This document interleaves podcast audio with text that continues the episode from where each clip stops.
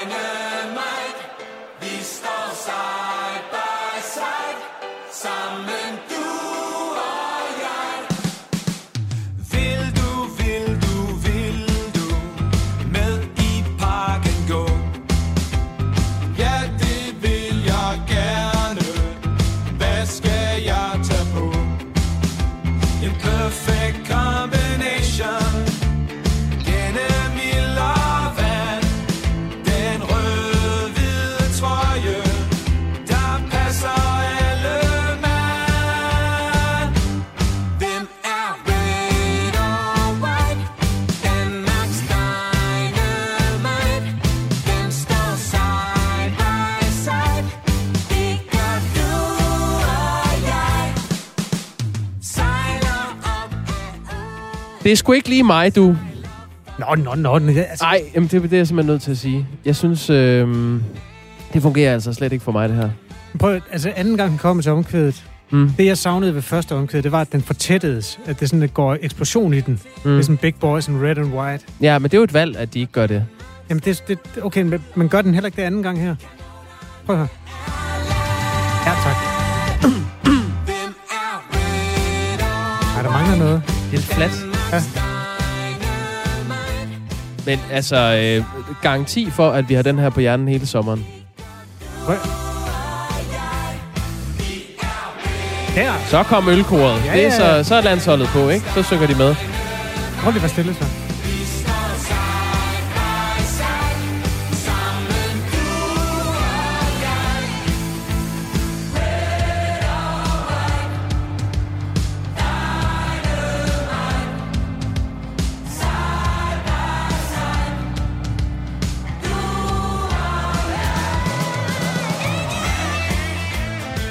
Så er der solo. Du må snakke ikke over soloen. Nå.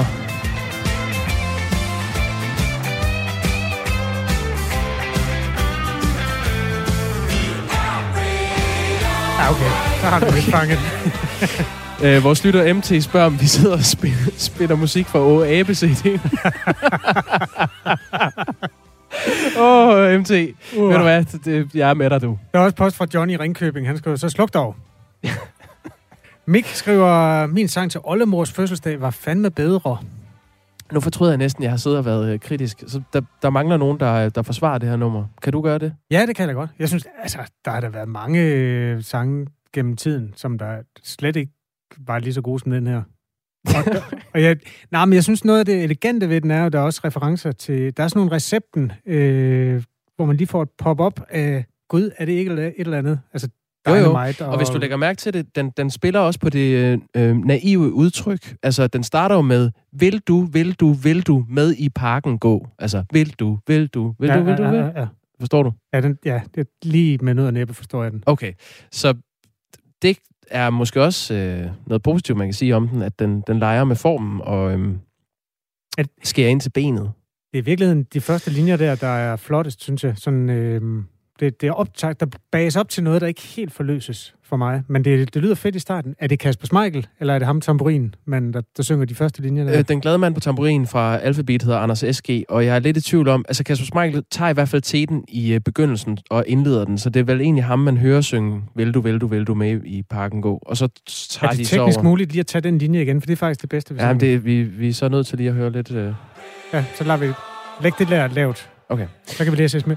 Claus skriver, den lyder mest som noget fra en børneplade. Katarina skriver, godmorgen til jer. Det lyder som en børnesang. De skulle have givet opgaven til drengene fra Angora. Nå, nu kommer det. Vil du?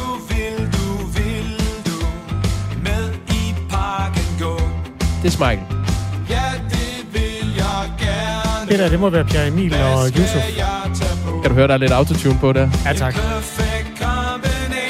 Så tror jeg, det er Anders S.G., der tager over her. Er meget, jeg synes, det er meget fedt, det der første stykke.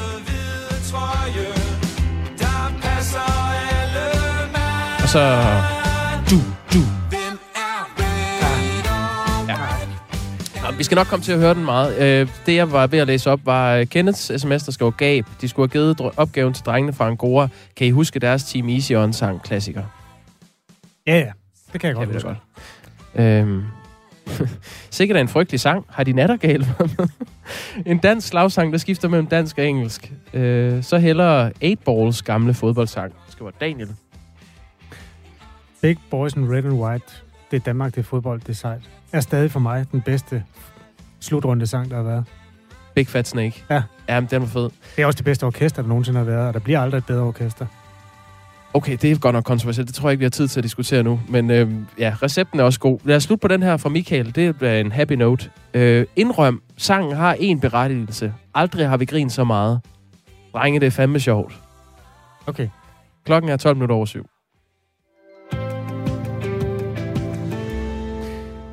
Fra slutrunden og de musikalske overtoner til den, skal vi nu til borgerforslag. Trods en lang række historier om mangelfuld hjælp fra landets kommuner til borgere med handicap, har et flertal i Folketinget afvist et borgerforslag om, at ansvaret skal overgå til regionerne eller staten. Altså et forslag, som øh, handlede om at tage kommunerne ud af den ligning. Øh, den sag skal vi nu belyse sammen med Monika Lylof, som er mor til tre med handicap og initiativtager til en gruppe, der hedder 1 million stemmer, der kæmper for retssikkerheden for de handicappede, og har i øvrigt øh, 24.000 medlemmer på Facebook, og står jo altså også bag det her borgerforslag. Monika, godmorgen. Godmorgen. Øh, den første en reaktion på, at dit borgerforslag blev nedstemt. Hvordan, hvordan har du det med det? Jamen altså, øh, de første meldinger i gruppen, som i øvrigt er næsten 31.000, bare lige for at rette dig lidt. Okay, undskyld. Øh, Øhm, ja, det er helt i orden. Altså, der, der var jo en enorm skuffelse og en frustration over, at, øh, at, at, at der var en følelse af, at der ikke var blevet lyttet nok til de historier, som jo vælter rundt i medierne øh, og har gjort det et stykke tid. Men øh, jeg vælger Hvad er det for faktisk nogen? Bare lige for lytternes skyld, hvis man ikke har fulgt med i debatten der. Jamen altså, de nuværende situationer rundt omkring i landet er, at der sker øh, omsorgssvigt på de bosteder, hvor der bor mennesker med handicap. Øh, bliver efterladt alene. Øh, nogle afgår lige frem ved døden. Øh, bliver ikke skiftet ordentligt.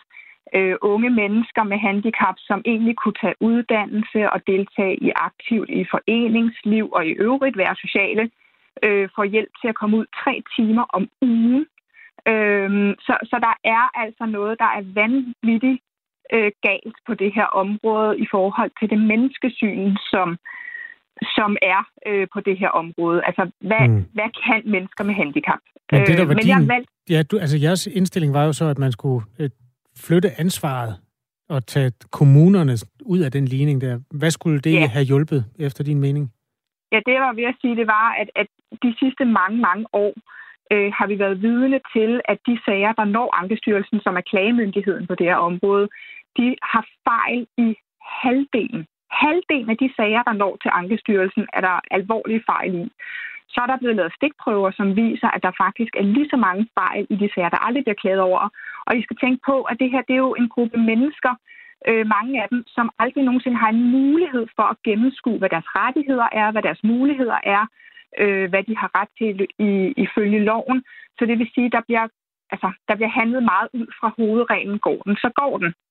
Så det, og, og samtidig, så har man en forventning om, at det her område, som kræver enormt meget viden, faglighed, øh, viden om forskellige diagnoser, at den skulle være lige øh, kvalificeret i 98 autonome enheder, a.k.a. kommunerne. Det er simpelthen ikke realistisk. Øh, og så samtidig forvente, at, at de midler, der så bliver sendt ud til kommunerne, samtidig bliver brugt på det. Øh, så så der, der er bare noget helt skævt. Og det er jo også blevet sagt af nogle af dem, der egentlig stod bag kommunalreformen i 2007, hvor at, at øh, amterne jo blev nedlagt, og hvor området så blev lagt ud i kommunerne, at området skulle aldrig være blevet flyttet med. Det var en kæmpe fejl. Øh, og, og faktisk er det så tankevækkende, at Socialdemokratiet jo ikke stod øh, altså bakket op om det. Og derfor så er det jo en lille smule mærkværdigt, at man nu fra Socialdemokratiets side ikke vil indrømme, at det her øh, skal gøres om ved så at stemme imod øh, borgerforslaget, som egentlig sætter lige præcis det her på dagsordenen. Jeg tror at lige, at det er på sin plads med et citat fra Socialdemokraternes social- og indrigsordfører Camilla Fabricius. Hun siger, vi erkender, at der på handicapområdet bredt... Ej, okay, undskyld, jeg starter lige forfra. Vi erkender, at der på handicapområdet bredt set er store udfordringer, som vi skal have gjort noget ved, siger Camilla Fabricius. Altså, ja. hun siger, at der skal gøres noget. Det er bare ikke lige det, du foreslår, der skal gøres. Ja, men det er jo en gratis omgang at sige det her. Altså, der er jo ikke noget konkret, hvad hun så vil gøre. Altså, det er jo nemt nok bare at sige, at der er store problemer. Ja, det kan de alle sammen blive enige om, men det hjælper bare ikke de mennesker rundt omkring i landet, der ikke får deres hjælp, at man er enige om, at der er noget galt. Man skal sørge med også gøre noget ved det. Så så længe ord er ord, så hjælper det ingenting. Der skal handling bag de ord, og det er det, vi virkelig har forsøgt at få presset igennem ved at stille det her borgerforslag, som jo nåede 50.000 på kun fire måneder på et område, der er så kontroversielt, netop at tage noget magt fra kommunerne. Fordi vi er ret overbeviste om, at det her det handler om øh, afgivelse af noget magt, fordi det er jo altså de store borgmesterpartier, som har stemt imod det her. Hvorimod at de øvrige partier, som ikke har så meget øh, hvad kan man sige, så mange borgmestre siddende derude, øh, de har stemt for. Det kan også være så. dem, der har en gratis omgang, kan det ikke? Øh, det kan man jo godt sige, men samtidig er de jo med til ligesom at lægge en linje og lægge noget pres på, fordi det er jo regeringsstøttepartier, der har stemt for det her. Så vi har jo en forventning om, og vi holder dem også op på det, at det, de har sagt nu, altså de har stemt grønt i salen i går, plus at de har faktisk formået at få ministeren til at øh, vedtage en vedtagelsestekst i går, hvor at, øh, at øh, hun forpligter sig til at indgå drøftelser omkring sikring af retssikkerheden. Øh, så, så der foregår noget, og så må jeg også bare sige, vi hedder jo ikke en million stemmer for ingenting. Altså et er, at at stemmer øh, står for, at vi nu siger tingene højt, at vi fortæller de historier, at vi viser, hvad der foregår rundt omkring i landet, men vi jo også krydser på stemmesedlen. Øh, så det vil sige, det kommunalvalg, der venter her den 16. november, og vi har en sag, og vi går efter, hvem vil egentlig støtte den sag, så kan vi jo godt komme til at påvirke, hvor vi vil sætte vores kryds henne hvem vil egentlig bakke op om, at der skal ændringer på det her område, at vi skal have mm. gjort op med den diskrimination og uværdige behandling, som der foregår rundt omkring i landet.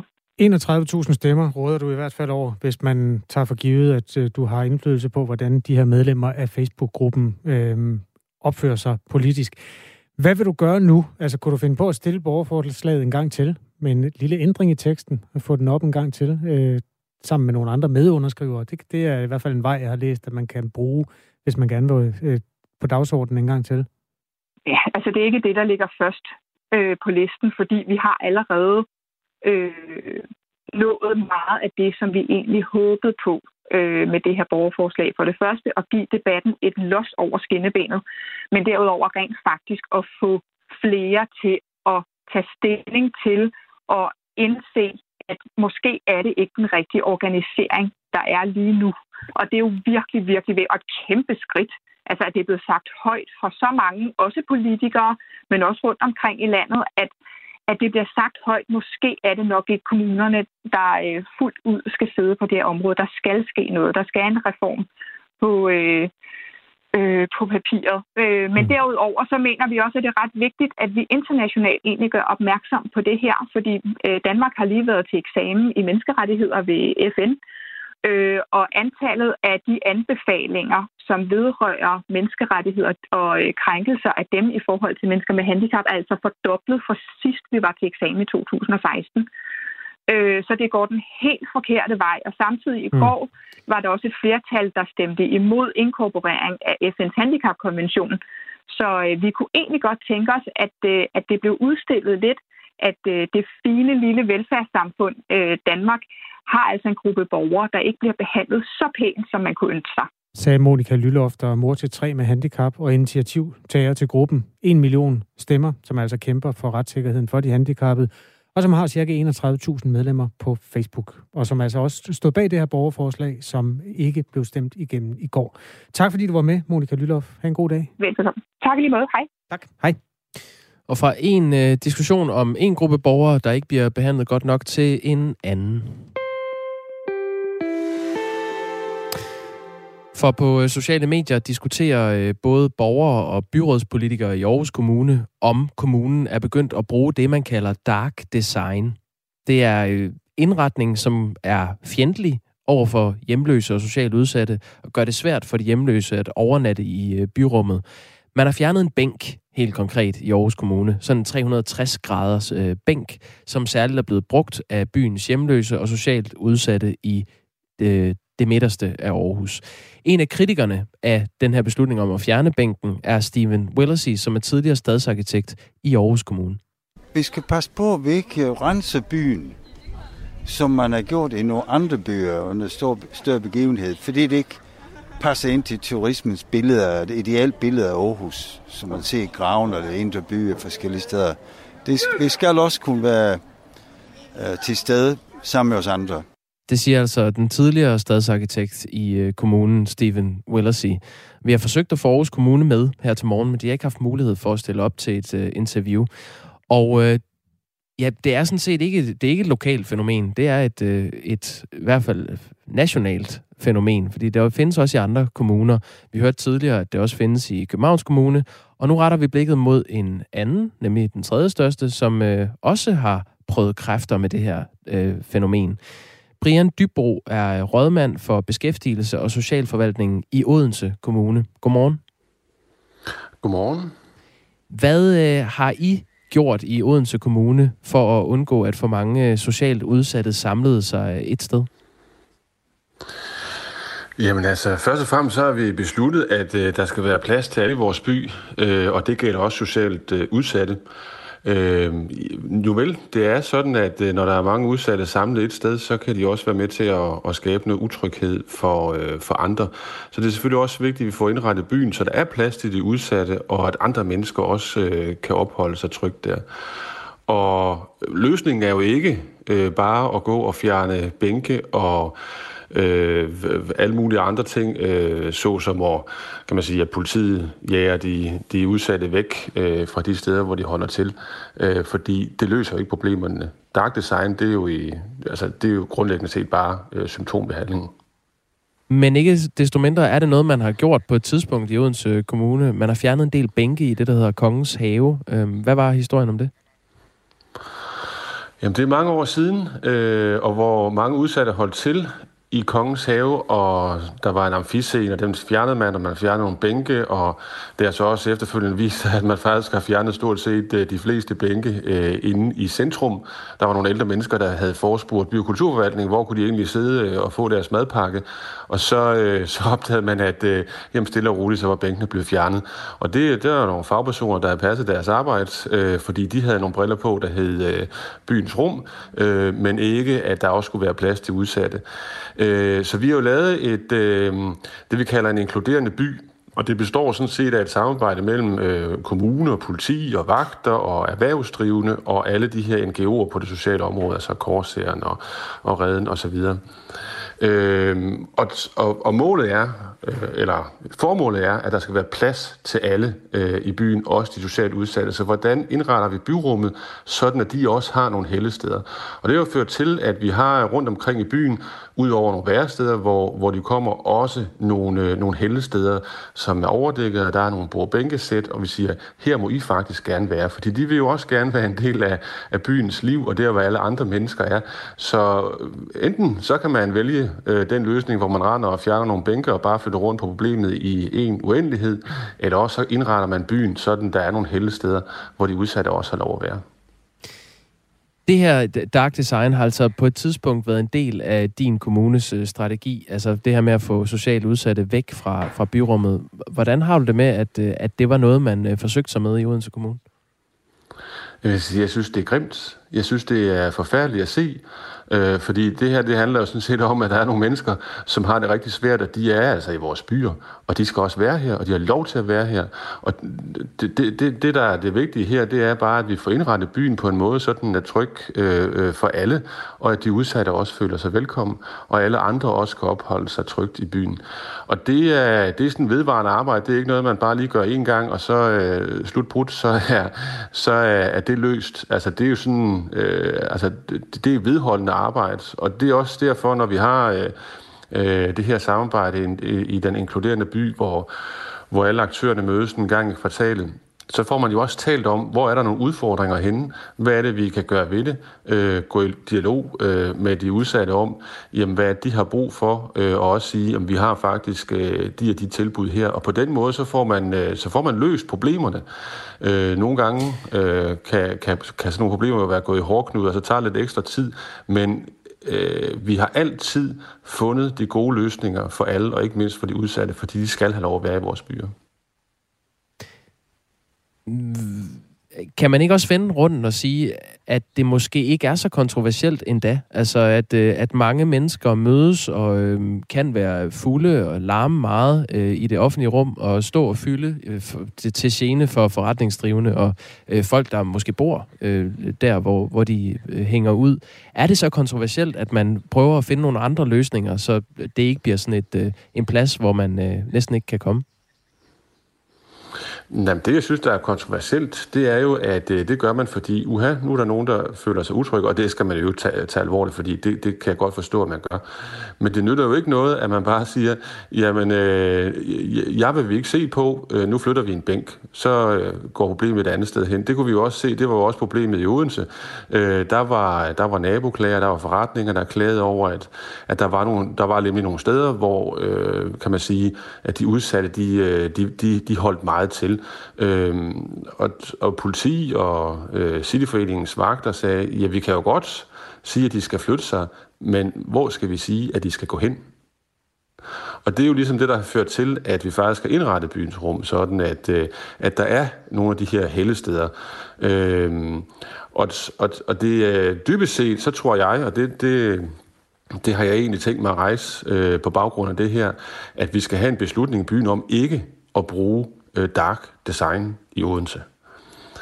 Vi skal have den her tilgang, der hedder, at vi er en inkluderende by, der skal være plads til alle, og derfor indretter vi byen, når vi øh, laver nye øh, øh, pladser, når vi laver, øh, vi er jo i gang med en kæmpe omdannelse af midtbyen i Odense, mm. så skal det fra starten være tænkt ind, øh, hvor er det så, at de socialt udsatte skal opholde sig henne. Og er det ikke det og, nu? Og når den, en gang til, undskyld. Ja, er det ikke det nu? Altså, hvorfor er det nødvendigt at stille sådan et øh, forslag? Er der, er der indtænkt noget dark design i det?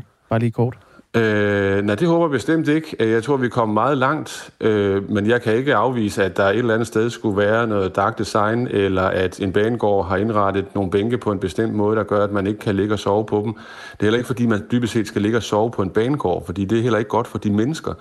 Øh, men, men det der med at koste dem rundt på den måde øh, via dark design, det, det, det holder ikke. Det løser jo ingenting. Så skal vi jo ud og have fat, så skal vores socialarbejdere ud og, og have fat i, øh, i dem, som det drejer mm. sig om. Øh, man kunne starte med at spørge, hvad kan vi egentlig hjælpe dig med? Det sagde Brian Dybro, som er rådmand for Beskæftigelses- og Social, Socialforvaltningen i Odense Kommune for øh, SF. Tak fordi du var med her til morgen. Ja, velbekomme. Vi kan oplyse om, at øh, Odense Kommune i dag råder over 5-6 af de her hellesteder, som er fordelt ud over byen. Og vi ville gerne have haft en kommentar fra Aarhus Kommune her til morgen. Vi vil gerne have interviewet dem for at spørge, om det her dark design er en del af deres strategi. Men vi har fået et svar fra kommunen om, at man ikke har øh, haft mulighed for at deltage. I glemmer, skriver Mik, i jeres beskrivelse af byen, der notcher de hjemløse, at de de hjemløse chikanerer andre amst fremkaldende i deres adfærd. De er skide glade med andre, specielt hvis man ikke giver dem penge, lyder synspunktet i en sms til 1424.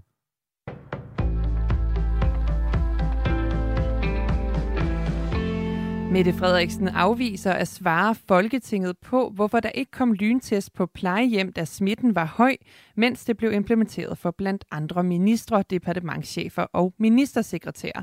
Det skriver DR. I begyndelsen af januar sagde statsminister Mette Frederiksen ellers til befolkningen på et pressemøde og i en liveudsendelse på tv, at regeringen havde besluttet, at personale på plejehjem skulle testes for at bremse coronasmitten på plejehjemmene. Men som DR i aftes kunne afsløre, blev en konkret plan om at rulle lyntestene ud droppet bag kulisserne, og plejehjemmene fik alligevel ikke test i januar. Dansk Folkeparti har krævet svar på, hvorfor statsministerens udtalelser ikke afspejlede det, der skete, men Mette Frederiksen har både afvist at svare i spørgetimen i Folketingssalen og i et samråd i epidemiudvalget. I breve stilet til Folketingets formand og til epidemiudvalget henviser Mette Frederiksen til, at hun mener, at spørgsmålet skal besvares af sundhedsministeren og justitsministeren. Den hvide russiske aktivist Roman Protasevich har angiveligt tilstået, at han har organiseret arrangementer, der har forstyrret den offentlige orden. Det skriver det russiske nyhedsbyrå TASS. Protasevich blev anholdt efter det Ryanair-fly, han var med, blev tvunget til at lande i Hvide Rusland. Den uafhængige borgerretsgruppe Viasna siger til nyhedsbyrået AFP, at Hvide Ruslands sikkerhedstjeneste med stor sandsynlighed har presset ham til at tale. USA's præsident Joe Biden ventes at underskrive et dekret, der vil forbyde amerikanere at investere i 59 kinesiske selskaber. Det er selskaber, der menes at have forbindelse til Kinas militær. Listen blev oprindeligt oprettet af tidligere præsident Donald Trump, der førte en hård linje mod Kina. Biden har videreført en del af hans politik og tilføjer nu yderligere 28 selskaber til listen. Vi har før hørt om vaccinelotterier, hvor folk kan vinde store pengepræmier, gavekort og koncertbilletter, men i den amerikanske delstat West Virginia, der udlader man nu også skydevåben til borgere, der frivilligt ruller ærmet op for en coronavaccine. Det meddeler statens guvernør, republikaneren Jim Justice, ifølge NBC News. Borgere, der indgår i statens nye vaccinetilskyndende lotteri, har mulighed for at vinde blandt andet jagtrifler og havlgeværer samt lastbiler og jagt- og fisketilladelser.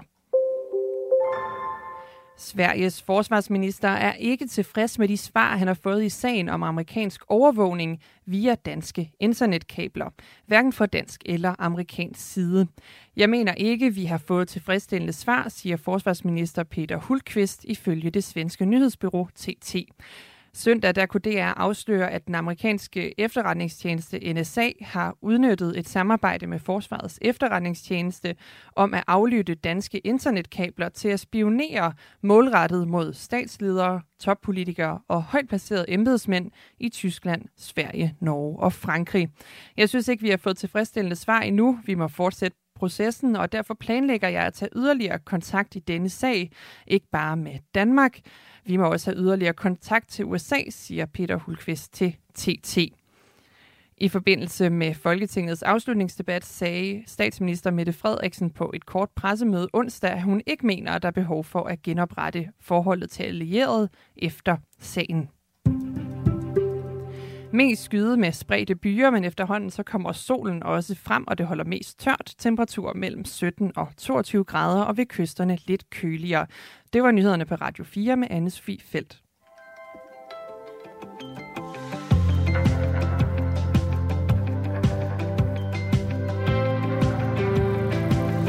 Du er stået op til en fredag morgen. Klokken er lidt over halv otte, og vi vil sige godmorgen til dig. Tak fordi du har tændt for Radio 4 Morgen, som i dag beværtes af Kasper Harbo og Jakob Grosen. Før nyhederne interview med Brian Dybro, som er rådmand i Odense, om det fænomen, der hedder dark øh, design, Design. som går ud på, at man ved at indrette byen tilstrækkeligt hensigtsmæssigt for nogen og uhensigtsmæssigt for de hjemløse, så får man flyttet den befolkningsgruppe til andre steder. Øh, det er han modstander af, Brian Dybro, og øh, får lige den her med på vejen fra en af vores lyttere, som skriver sådan her. Han udstiller det politiske korrektes hyggeleri. For hver gang han prioriterer sin favoritgruppe ind på bænkene, så skubber han andre ud af pladsen. Et anekdotisk eksempel er, at i gamle dage var der kiosk på Intercity-togene, og der stod så alle drankerne, og sørgede dermed for, at andre passagerer følte sig beklemt ved at handle der. Det var med årsag til, at kioskerne lukkede, skriver vores lytter. Tak for sms'en til vores lytter. Øhm, ja, I gamle dage, der var det narkomanerne, der ejede øh, den mest centrale plads i Aarhus, kan jeg så sige. Nu bliver jeg ved med at referere til den by, men jeg er født der. Øhm, og det, hvad er var den mest centrale plads så? i min bog, øh, Bispetorv, ved øh, teateret og domkirken. Mm. Og der var sådan et under, ikke underjordisk, men sådan et toilet, jo en, en, en etage nede i hjørnet af pladsen der, hvor narkomanerne kunne gå ned, fordi der var rindende vand. Og så var der jo mulighed for lige at låse døren, når man skulle stikke sig med sin sprøjte. Og så kunne de jo så lige med nød og næppe bevæge sig op ad trappen, hvis ellers de kunne det efterfølgende, og så lå de så og, og, og Trippet. rosede den igennem, ja, og kullede, koksede i store bunker der ved, ved siden af, plus at pusherne også stod der. Og det var jo en meget målrettet ting, at man fra kommunens side sagde, nej tak til jer, vi flytter jer et andet sted hen. PT øh, har man flyttet, altså oprettet noget, der hedder Nåleparken, som ligger i, det er mere perifært i forhold til bykernen. Og det er vel rimelig legitimt også at have det synspunkt, at der er nogle ting, man ikke synes præcis bør ligge der, hvor alle kommer gående, og hvor de dyreste butikker er, og hvor turisterne kommer forbi for at se byen fra dens pæneste side. Eller hvad? Skriv gerne ind, hvis du har holdninger til det her felt, der hedder Dark Design på øh, godt engelsk. Ja, og øh, før du skriver ind, kan du prøve at forestille dig, at du øh, bor øh, ved sådan en plads, øh, har en, øh, i en lejlighed med to børn, og øh, som du skal følge i børnehave og skole, og du så øh, skal passere den plads hver morgen med dine børn. Og så må du godt skrive ind på 1424 og starte beskeden med R4. Du kan også forestille dig, at du er en hjemløs, der egentlig ikke er ude på at genere nogen, men bare skal have dagen til at gå på bedst mulig måde, så længe du lever, ligesom alle mulige andre mennesker. Man må sætte sig i det hjørne, man har lyst til. Så må du skrive ind på 1424 og begynde beskeden med R4. Nu skal du høre godt efter.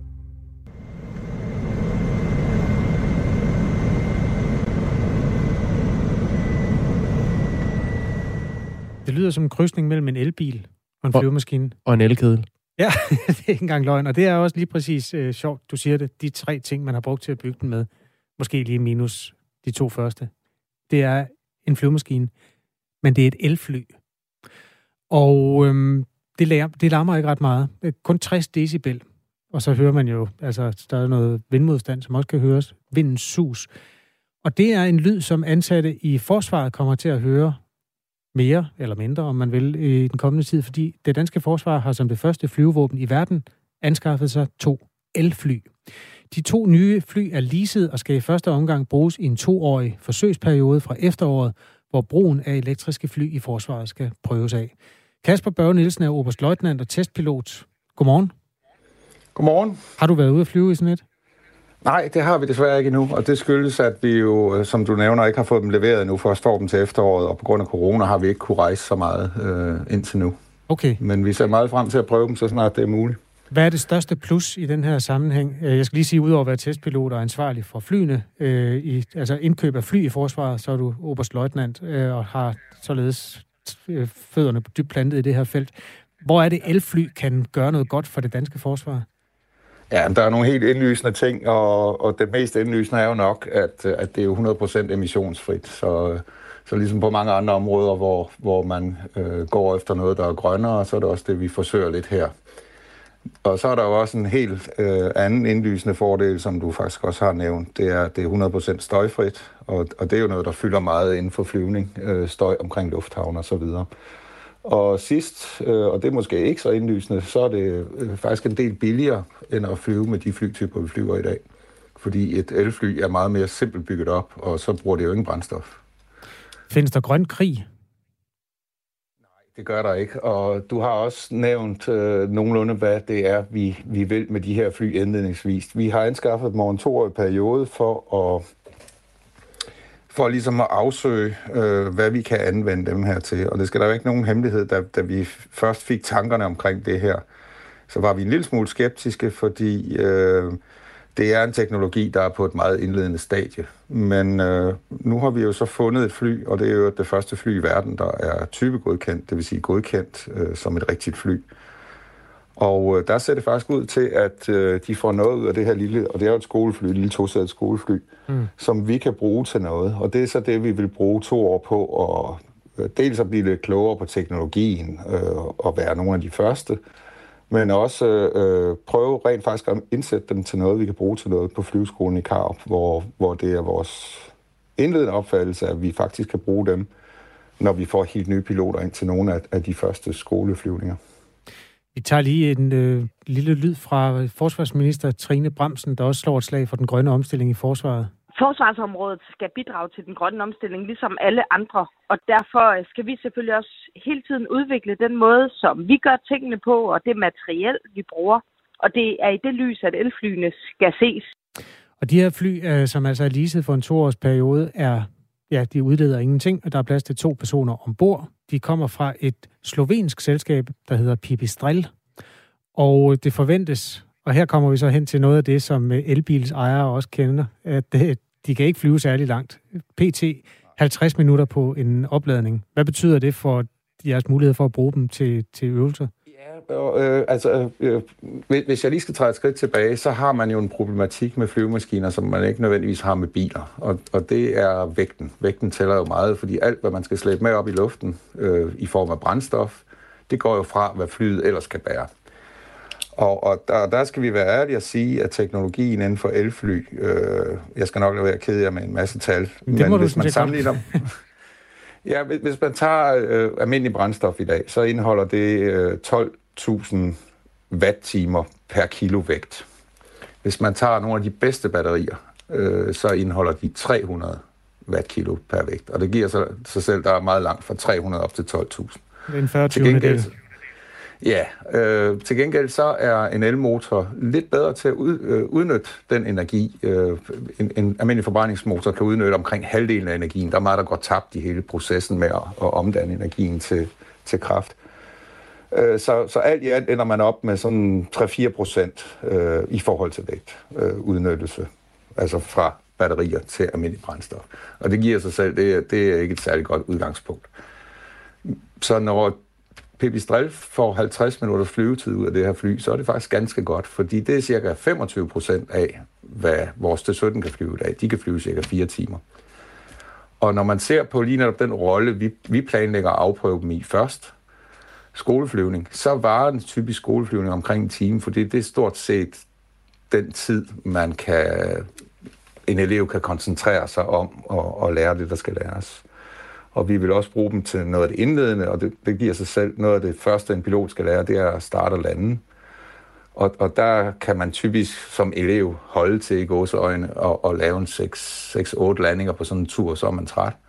Og, og der mener vi, at vi kan få ni ud af den her. Så, så, så det er ikke helt ved siden af, selvom det er på et meget indledende stadie. Tror du nogensinde, der kommer eldrevne kampfly? Nej, det tror jeg ikke på. Men øh, nu, nu afspiller jo Tine Bremsen, og, og, og vi kigger jo på miljø, ligesom alle andre øh, steder i samfundet, også i forsvaret. Og der er jo så mange andre måder, man kan... Nu nævner du kampfly. Vi får 35 lige om lidt. Mm.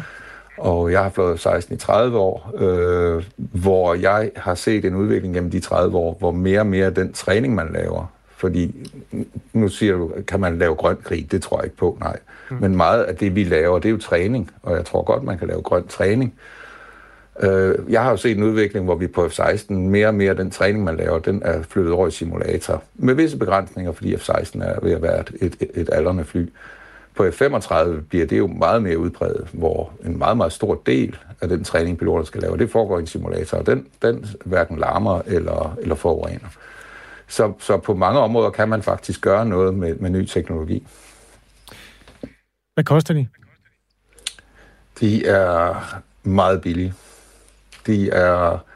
Jeg, jeg kan desværre ikke fortælle jer, hvad vi har givet for den her toårige periode, men, men jeg kan godt øh, antyde, at, og det, så sætter jeg det højt, det koster, eller lavt faktisk, øh, det koster under en tredjedel øh, at flyve sådan et elfly, som de fly, vi flyver i dag. Okay. Det er også på en eller anden måde lidt mere low-key, at man køber dem i et slovensk selskab, der hedder Pipistrel, og de kan flyve 50 minutter på en opladning. Nu skal du absolut ikke øh, øh, kæmpe sig dem. Øh, det slovenske selskab Pipistrel, de er absolut førende inden for det her. De har lavet forsøg i mange år med, med så, i så fint selskab som NASA. Okay. De har stort set alle verdensrekorder på det her område, så dem skal du absolut ikke kæmpe sig. Jeg, har, jeg havde selv fornøjelsen af at være ni år på det, der hedder Edwards Air Force Base med 35 Og der i, i flere af de år, jeg var der, var Pipistrel til stede i USA på den base. Godt, jamen jeg Så tager alt tilbage. Respekt til Ja. dem. Tak for nuancen så. Og tak fordi du var med, i øvrigt Kasper Børge Nielsen. Ja, selv tak.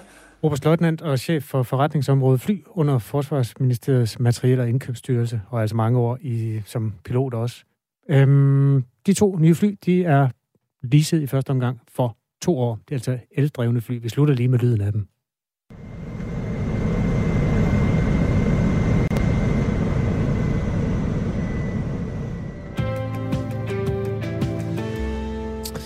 Er det øh, det, man kalder dark design, altså sådan fjendtlig indretning af byrummet, når man i øh, Aarhus Kommune har valgt at flytte en øh, øh, bænk, som særligt er blevet benyttet af byens hjemløse og socialt udsatte i, øh, i byrummet, øh, til et helt andet sted, for at få de hjemløse væk fra midtbyen i Aarhus.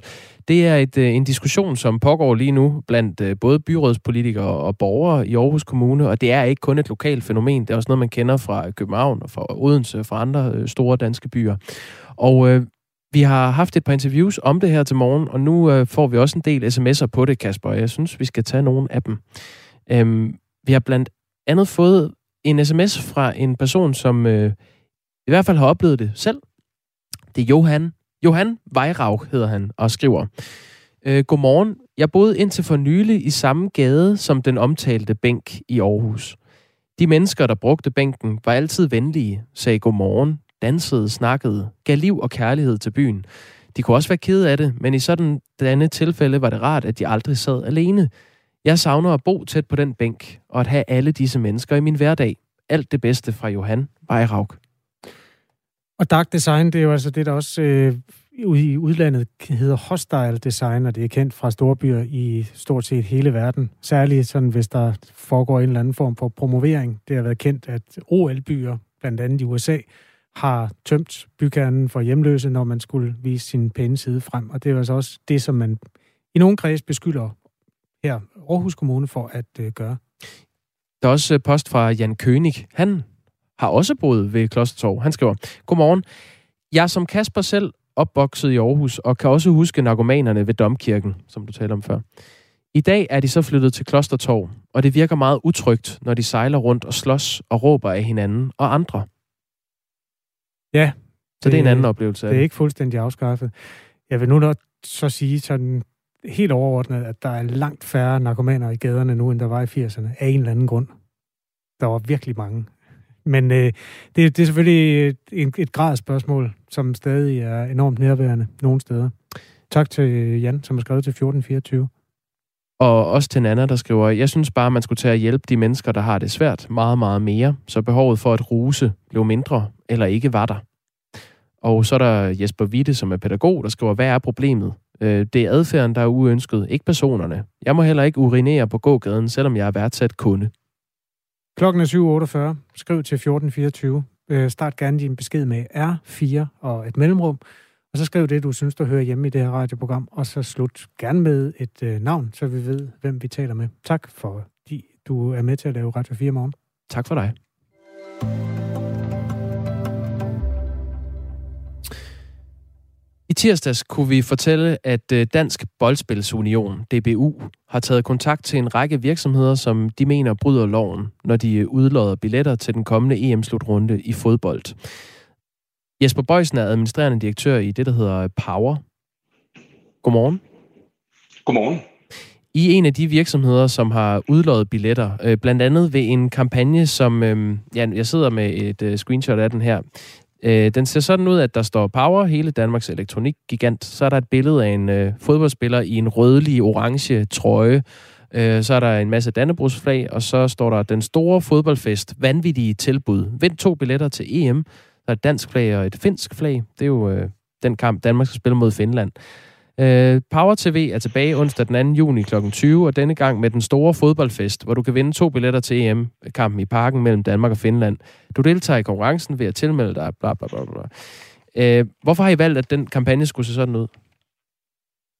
Jamen, det er jo en kampagne, der er tilbage fra 2018, og øh, det, at øh, den kampagne øh, skal udstråle, det er jo selvfølgelig, at vi fejrer en fodboldfest både her i 2021, men også i 2018.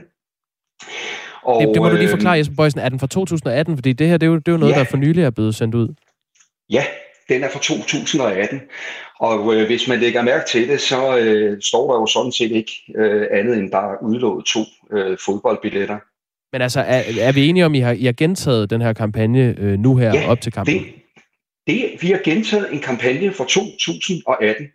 Vi har aldrig nogensinde brugt referencer til det danske landshold eller anvendt fodboldspillere i røde øh, trøjer eller hvide bukser. De fodbold, den fodboldspiller eller de fodboldspillere, der anvendes i markedsføringen fra Power, er ikke rigtige fodboldspillere. Det er grafisk fremstillede personer i orange farver, som netop er Powers profilfarver, og som vi altid anvender i markedsføringen for Power. Og den er som sagt lavet i 2018, hvor vi benyttede den i Danmark, og vi har aldrig fået en anmærkning, og den er i tillæg kørt i både Norge og i Finland. Men når du siger, at den er fra 2018, hvorfor er det så vigtigt? Øh, det, ligner, det ligner lidt parken. Øh, det ved jeg ikke, om det er. Er det, er det parken, der er i baggrunden? Idrætsparken? Nej, det er det jo ikke. Som jeg netop siger, så er det en kampagne, der er kørt i flere lande, og øh, fodbold er jo altså noget følsomt noget. Mm. Vi har netop lavet vores reklamebureau animere en fodboldspiller i neutral baggrund, som skal ligne noget stadion, netop så det kunne gå både i Finland og i Norge. Det er altså en person, som øh, på billedet er iført en, øh, vi kan diskutere nuancerne, men rødlig, orange spilletrøje og hvide shorts. Øh, det kunne godt ligne en, en spiller fra det danske landshold, men øh, er det meningen? Altså, nu er der ikke patent på orange eller røde farver. Øh, det er der ikke. Der er tale om en fodboldspiller, hvor der står power nummer et hele vejen hen over maven. Og det er jo det, der skal relatere sig til, at det er en fodboldspiller, der er tale om, og det her, det er en fodboldfest. Der er ikke nævnt noget som helst om øh, landsholdsspillere, og det er heller ikke landsholds øh, foto, at der er benyttet i vores. Det er Powers helt egen. Ja, det man så ikke som, som lytter kan se, hvis man ikke har set den her kampagne, det er, at det, det regner ned med Dannebrogs flag på, på begge sider, og så er det den store fodboldfest. Vind to billetter til, og så det danske flag og det finske flag til, til EM. Øhm, medgiver du, at I spiller på øh, et dansk landsholdsbrand her? Nej, det gør jeg ikke. Øh, Jeg vil sige, at vi fejrer en fodboldfest sammen med resten af Danmark. Det er jo netop det, der er reflekteret, at det ikke er EM i fodbold, der er hovedtema. Der er en masse tilbud. Vi kører tv live shopping øh, i samme annonce, hvor at vi selvfølgelig udover nogle billetter, som vi har fået af Gorenje, der er i øvrigt er hovedsponsor øh, for UEFA. Mm. Og de, øh, de har givet os to billetter, at vi kunne udlove videre til kunder. Vi kunne have brugt de billetter internt, men vi valgte at give dem videre til kunderne.